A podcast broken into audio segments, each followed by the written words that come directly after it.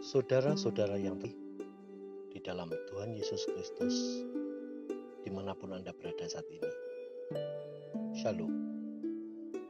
Gembala menyapa pada hari ini diambilkan dari kitab 1 Korintus pasal 12 ayat 10 bagian A.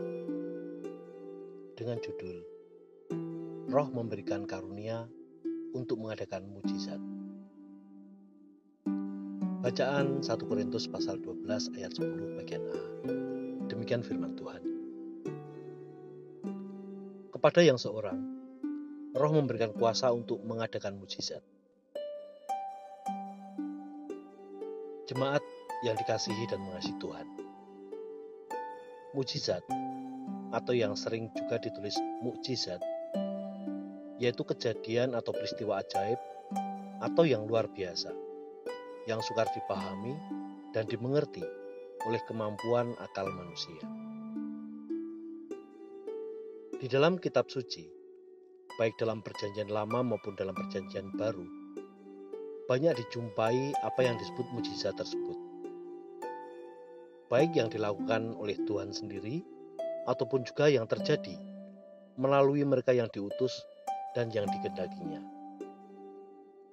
Misalnya dapat Anda baca pada bilangan pasal 14 ayat yang ke-22 atau Mazmur pasal 78 ayat 43 atau Yoel pasal 2 ayat 30 atau pada kitab Matius pasal 7 ayat 22 dan Matius pasal 11 ayat yang ke-20 atau kitab Markus pasal 6 ayat yang kedua.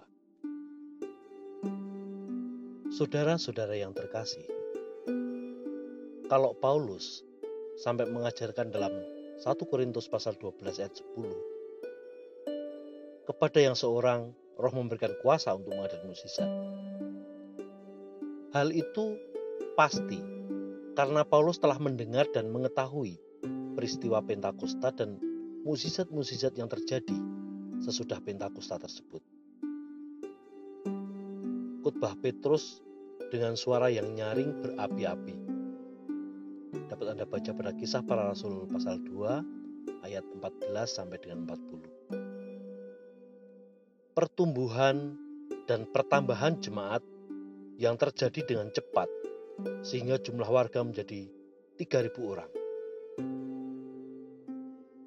Dapat Anda baca pada kitab Kisah Para Rasul 4 ayat 1 sampai dengan 4. Kisah Ananias dan Safira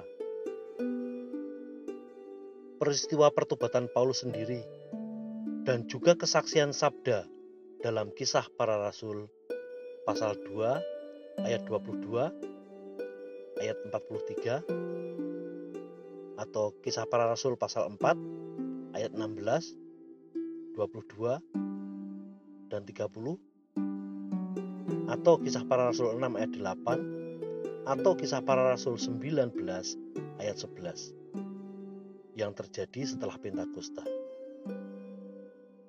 Semuanya itu menunjukkan tentang karunia mengadakan mujizat yang diyakini dan diajarkan Paulus dalam 1 Korintus pasal 12 ayat 10a tersebut. Bahwa Tuhan dan Roh Kudusnya dapat memberikan kuasa bagi orang yang dikendakinya untuk mengadakan mujizat itu memang ada dan terus terjadi sampai sekarang.